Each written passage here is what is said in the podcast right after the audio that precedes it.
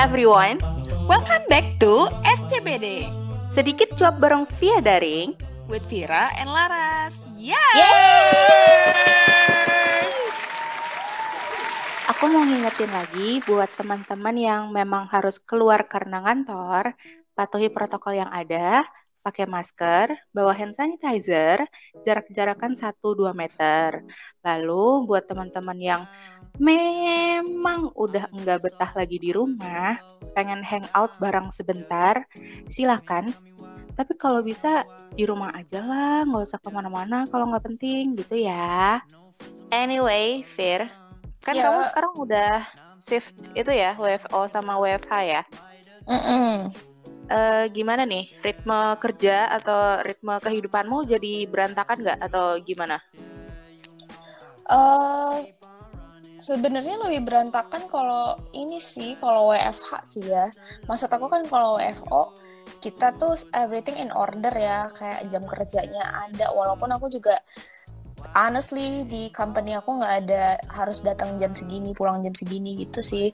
Cuma kita udah bikin estimasi ya misalnya jam 10 pokoknya harus ada di kantor dan pulang misalnya jam ya paling lama jam 7 malam lah. Cuma kalau WFH kan kayaknya eh, lebih fleksibel banget gini eh, apanya jam kerjanya ya gitu. Tadi kamu bilang di awal sebenarnya lebih teratur kalau ritme kerjanya di WFO ya daripada dibandingkan WFH. Nah, Mm-mm. itu mm, maksudnya gimana tuh? Eh, lebih Eh, kita ngomongin waktu ya berarti ya. Jadi kalau Mhm. menurut aku work from home ini tuh membuat kita menghabiskan lebih banyak waktu kerja gitu. Jadi kayak membuat waktu kerja terasa lebih lama. Nah hal ini tuh dibuktikan juga nih. Ternyata kayak gue baca di berbagai research di negara-negara maju kayak Inggris, Prancis, Kanada. Itu tuh orang yang WFH itu malah bek- eh, cenderung bekerja dua jam lebih lama dari biasanya gitu. Dan sebenarnya penyebab ini nih ada banyak sih, not only because the company told you to work more ataupun eh, gimana ya tuntutan pekerjaannya lebih banyak, tapi ada juga faktor Hmm, orang-orang itu sulit menyesuaikan dari menetapkan batasan waktu kerja, jadi ngerjain kerjaannya nggak efisien atau eh, dia terlalu eager buat ngerjain sesuatu gitu, jadi hmm, kayak hmm, hmm. ah aduh gue nggak bisa nih eh, kalau gue cut hari ini cuma ngerjain sampai jam 8 malam besok gue takut eh, lupa atau apa gitu jadi kayak Hmm. dia ah pokoknya gue harus kerjain sampai beres sekarang begitu sih Lo pernah merasakan gak sih kalau lo bangun lebih awal mengawali hari dengan kegiatan yang positif, gak bangun telat dan buru-buru, maka lo akan cenderung bersemangat gitu untuk beraktivitas di hari itu. Especially if you're living in Jakarta ya, di hari normal it would take so much time buat siap-siap dan commuting ke tempat kerja. Apalagi kalau misalnya lo tinggalnya di daerah Bodetabek, bisa taking 2 until 3 hours. Nah, sedangkan kalau lagi WFH kita kan gak keburu-buru di pagi hari, malah banyak banget orang yang males-malesan dulu dan sengaja bangun mepet-mepet gitu. Jadi bawaannya untuk beraktivitas seharian juga mager. Gue merasa hal itu juga mempengaruhi sih ritme kerja jadi mager dan terlalu santai. Jadi ngerjain kerjaannya juga gak efisien. Dari riset yang tadi kamu omongin, em, itu kamu terkendala akan hal itu juga nggak? Kamu relate nggak sama research yang tadi kamu katakan? Atau kamu malah mungkin tidak relate dengan research gitu? gitu? Eh, relate relate sih cuma mungkin eh, faktornya ya karena di riset itu dia nggak ngasih tahu faktor penyebabnya seperti apa. Tapi kan tadi aku jelasin beberapa macam faktor atau bisa eksternal emang dari perusahaannya ataupun internal dari kita gimana kita time manajemennya nggak bisa ini gitu loh nggak bisa kita nggak bisa manage kapan kita harus kerja kapan kita harus nyelesain kerjaannya gitu kan. Eh, kalau aku sih eh, so far I love WFH ya.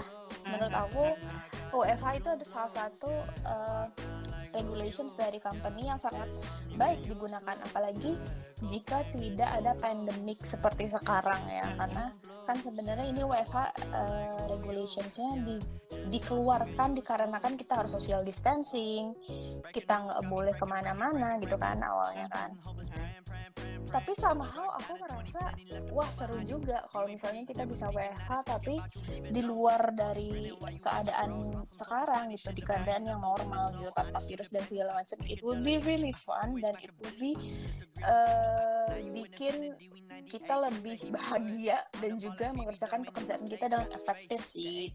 Gue pun juga merasakan banyak banget advantage dari sistem WFH ini ya.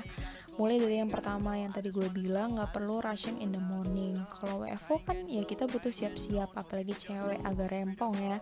Mulai dari milih outfit hari itulah, terus makeupnya, nyiapin bekal kalau kamu bawa bekal gitu kan.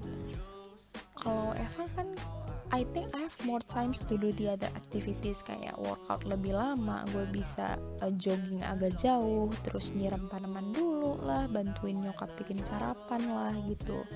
Terus yang kedua, gue merasa gue suka sih sama ritme WFH ini. Kita jadi bebas melakukan apa pun di rumah as long as kerjaan kita selesai dengan benar dan on time gitu. Gue suka tuh di sela-sela kerja kalau misalnya gue udah pusing gitu agak burn out, gue ngegambar dulu 10-15 menit gitu di time di, dibikin timer gitu. Terus uh, gue merasa gue juga punya waktu buat nyobain hal-hal baru yang gak pernah gue lakukan. Kalau misalnya gue harus WFO kayak misalnya nyobain resep buat makan siang sama nyokap gitu bonding sama keluarga. Terus yang terakhir gue merasa gue lebih hemat sih. Jadi uh, gue nggak perlu jajan-jajan banyak di luar dan uangnya bisa gue tabung deh. Dari yang kamu ceritakan tuh uh, kayaknya kamu sudah memiliki timetable sendiri yang itu kamu lakukan secara rutin dan kalau bisa aku katakan itu cukup disiplin ya kamu mengitukan semua kegiatannya. Um, yang ingin aku tanyakan, aku penasaran banget nih, sedisiplin-disiplinnya kita sama timetable kita masing-masing, kamu pernah ngerasa jenuh nggak untuk mengikuti timetablemu sendiri? Uh, enggak sih, karena timetable aku yang bikin kan aku gitu loh. Jadi suka-suka gue mau ngapain, mau gue kayang kayak mau gue, hmm, oke, mau gue, mau gue ngapain okay. kayak gitu kan. Satu hal yang gue lakukan dalam menyusun timetable adalah nggak ngoyo. Jadi aktivitas yang ditulis itu nggak yang super positif hashtag goals dari pagi sampai malam gitu. Gue tuh uh, anaknya emang harus punya to-do list karena to keep me productive dan juga anaknya emang agak organize aja gitu jadi nggak cuma jadwal submit tugas kerjaan atau meeting yang gue masukin tapi me time-nya juga tetap gue tulis. Misalnya kalau gue lagi pengen nyalon atau lagi ada hangout sama teman atau as simple as yang ngapa-ngapain gue tulis aja gitu free time. Termasuk even juga break time saat kerja. Misalnya nonton YouTube 15 menit atau ngegambar 10 menit. Itu juga gue masukin ke schedule dan suka gue timer gitu loh jadi ngejalaninnya pun lebih ringan kita bisa komit dan nggak ada beban aku juga mau nanya satu isu ini aku mm -hmm. mau nanyain tentang kalau kalau WFH ya kalau WFH kan kamu um, yang kamu temui itu paling cuma anggota keluarga doang mm -hmm. dan kalau WFO kamu kan akan bertemu orang-orang kantor. Mm-hmm. Nah, aku membaca ya kayak beberapa artikel itu um, kayak kehidupan selama karantina ini, kehidupan selama di rumah aja tuh bisa mempengaruhi mental health orang-orang gitu. Mm-hmm. Karena maksudku um, oke okay lah kalau selama WFH itu selama di rumah aja tuh kita bisa stay connected ke teman-teman kita dengan cara video call atau dengan cara audio call atau sebatas texting. Tapi tuh ada sat, ada satu poin yaitu kita tuh kayak yang namanya manusia ya, kita butuh uh, ketemu dengan orang secara langsung gitu loh kayak apa ya physical appearance jadi mm-hmm. kalau misalkan nggak physical appearance selama apa ya kayak lama banget tuh itu bisa mengaruhi mental health seseorang gitu. Mm-hmm. Nah kalau kamu gimana selama nggak ketemu dengan orang di kantor yang kamu temuin itu cuma orang-orang rumahmu aja itu kamu kayak uh, gimana terganggu nggak? Uh, alhamdulillahnya ya aku tuh tipe um, sebenarnya kalau di apa 16 personalities aku tuh anaknya extrovert. Cuma extrovert paling introvert guys.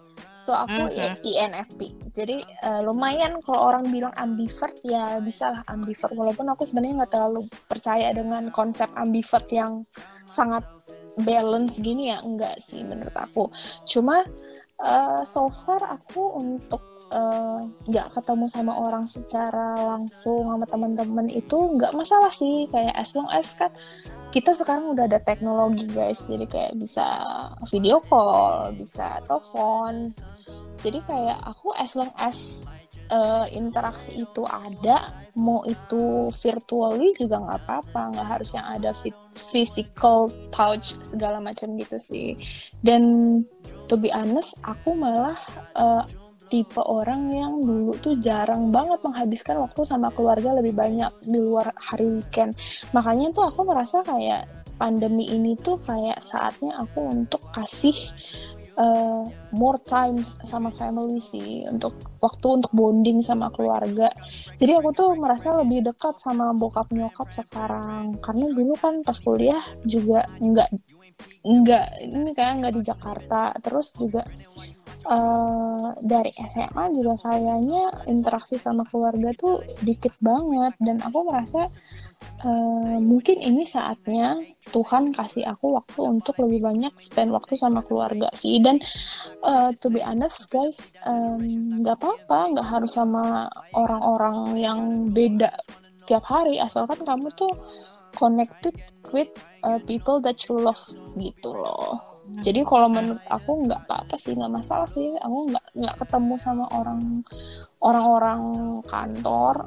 Tapi aku bisa kan video call ataupun uh, zoom gitu sama mereka. Kalau misalkan uh, ber berarti kan selama WFH kamu sering banget um, meeting via zoom gitu ya? Mm -hmm. itu uh, kamu sering terkendala terkendala nggak sih? Maksudnya kan dengan dengan keadaan koneksi Indonesia yang internet koneksi gitu ya. internet Indonesia itu kadang suka hilang timbul hilang timbul mm-hmm. gitu kan. Um, kayak tiba-tiba omongannya terputus, tiba-tiba apa yang dia omongin tuh suaranya hilang segala macam. Benar-benar. Itu mis, mis ada ada miskomunikasi nggak sih sampai yang menyebabkan uh, miskomunikasinya tuh bisa bikin sedikit ada kendala di kerjaan hmm, gitu segala macam. Bisa aja sih. Uh, kalau aku, alhamdulillahnya, aku tuh punya coworkers yang kita tuh sangat backup each others gitu dan sangat orangnya sangat understandable. Terus yang kedua, hmm. uh, aku tuh pas mau WFH tuh udah ini nih udah siapin di wifi.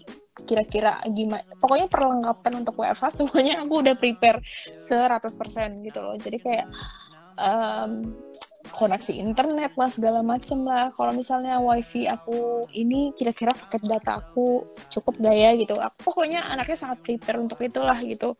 Terus um, tapi menurut aku kan ya nggak semua orang bisa punya privilege seperti aku ya untuk bisa beli paket data yang kira-kira banyak ataupun punya teammate yang sangat uh, supporting each others gitu. Menurut aku sih uh, gimana untuk mengakalinya tentu saja yang pertama itu kita tuh double check kira-kira informasi yang dikasih ke kita order yang atasan asik kasih ke kita itu clear enough nggak ya gitu. Jadi aku selalu double check kayak oh kak maksud kakak aku ngerjain ini ini ini ini gitu loh.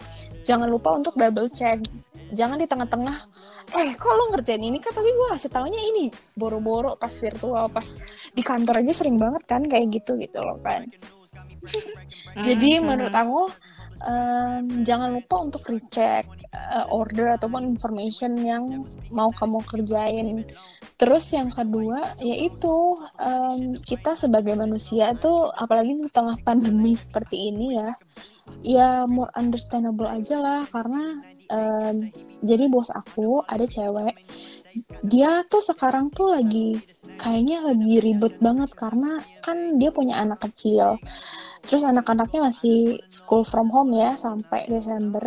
Jadi dia tuh agak hmm. yang aduh Fir gue nggak bisa ini ya gue nggak bisa uh, pokoknya lo kerja secara mandiri lah gitu. Kalau misalnya lo ada apa-apa uh, tolong tanya coba sama yang ini si itu si ini si itu gitu loh. Jadi gue aku nggak bisa yang bergantung sama dia karena dia juga punya kewajiban buat uh, bantuin anak uh, anaknya sekolah secara virtual lah.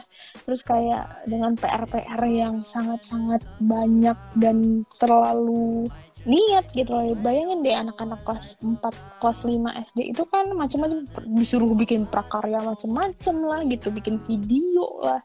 Aduh sangat-sangat ribet pasti orang tuanya juga kayak yang aduh ini kenapa uh, pekerjaan dari gurunya terlalu ribet macam-macam gitu kan? Itu aku sangat aku sangat relate sih.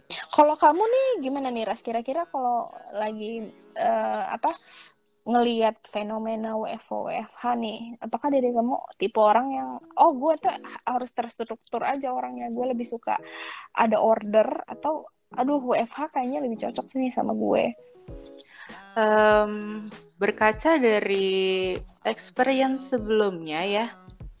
Yang penting yang penting ada order aja gitu. Oke oke. Okay, okay. yang penting ada kerjaan yang harus dikerjakan selama kayaknya tuh selama atasan selalu memberi res kamu harus ngerjain ini ya. Kalau bisa deadline-nya tanggal segini segini segini oke okay, aku kerjain. Mm.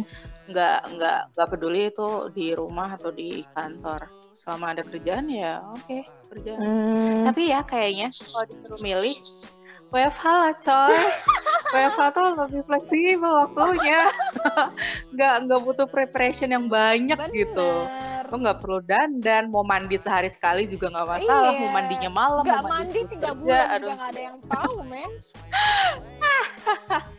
tapi itu preferensi gitu. orang ya kayak temen-temen aku juga banyak yang aduh gue nggak pengen WFH gitu. Kayak gue harus WFO ya banyak. Tergantung ah, orang okay. sih ya. Ya segitu dulu bahasan WFO WFH kita. Ketemu lagi minggu depan. Bye guys. Bye. see you next week